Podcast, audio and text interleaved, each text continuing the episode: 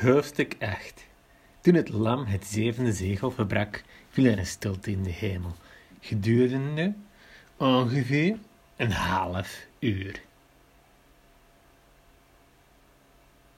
Ik zag de zeven engelen die voor Gods troon staan. Ze kregen alle zeven een bezuin. Toen kwam er een andere engel die met een gouden wierookschaal bij het altaar ging, ging staan.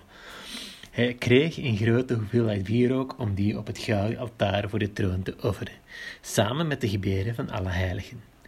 De rook van de wierook steeg met de gebeden van de heiligen uit de hand van de engel op naar God. Toen nam de engel de wierookschaal, vulde hem met vuur van het altaar en wierp dat op de aarde. Er volgden donderslagen, groot geraas, bliksemschichten en een aardbeving. De eerste zes bazuinen.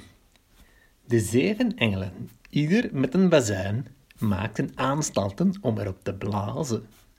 Toen blies de eerste engel op zijn bazuin. Er kwam hagel en vuur, vermengd met bloed, gemengd met bloed.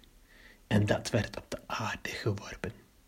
Een derde deel van de aarde brandde af, evenals een derde deel van de bomen en al het groen. De tweede engel blies op zijn bazuin. Iets dat eruit zag als een grote berg waar de vlammen uitsloegen, werd in zee gegooid. Een derde deel van het water werd bloed. Een derde deel van alle in zee levende wezens ging dood. En een derde deel van de schepen verging. De derde engel blies op zijn bazuin.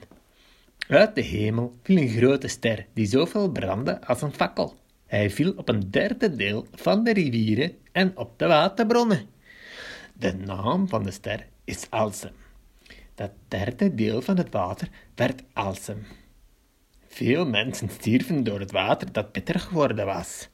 De vierde engel blies op zijn bazuin. Een derde deel van de zon, van de maan en van de sterren werd getroffen waardoor het deel verduisterd werd. Een derde deel van de dag en ook van de nacht was er dus geen licht. In mijn visioen hoorde ik de luide roep van een adelaar die hoog in de lucht vloog. Wee, wee, wee, de mensen op, die op aarde leven. Want dadelijk klinken de bazuinen van de drie engelen die nog niet geblazen hebben.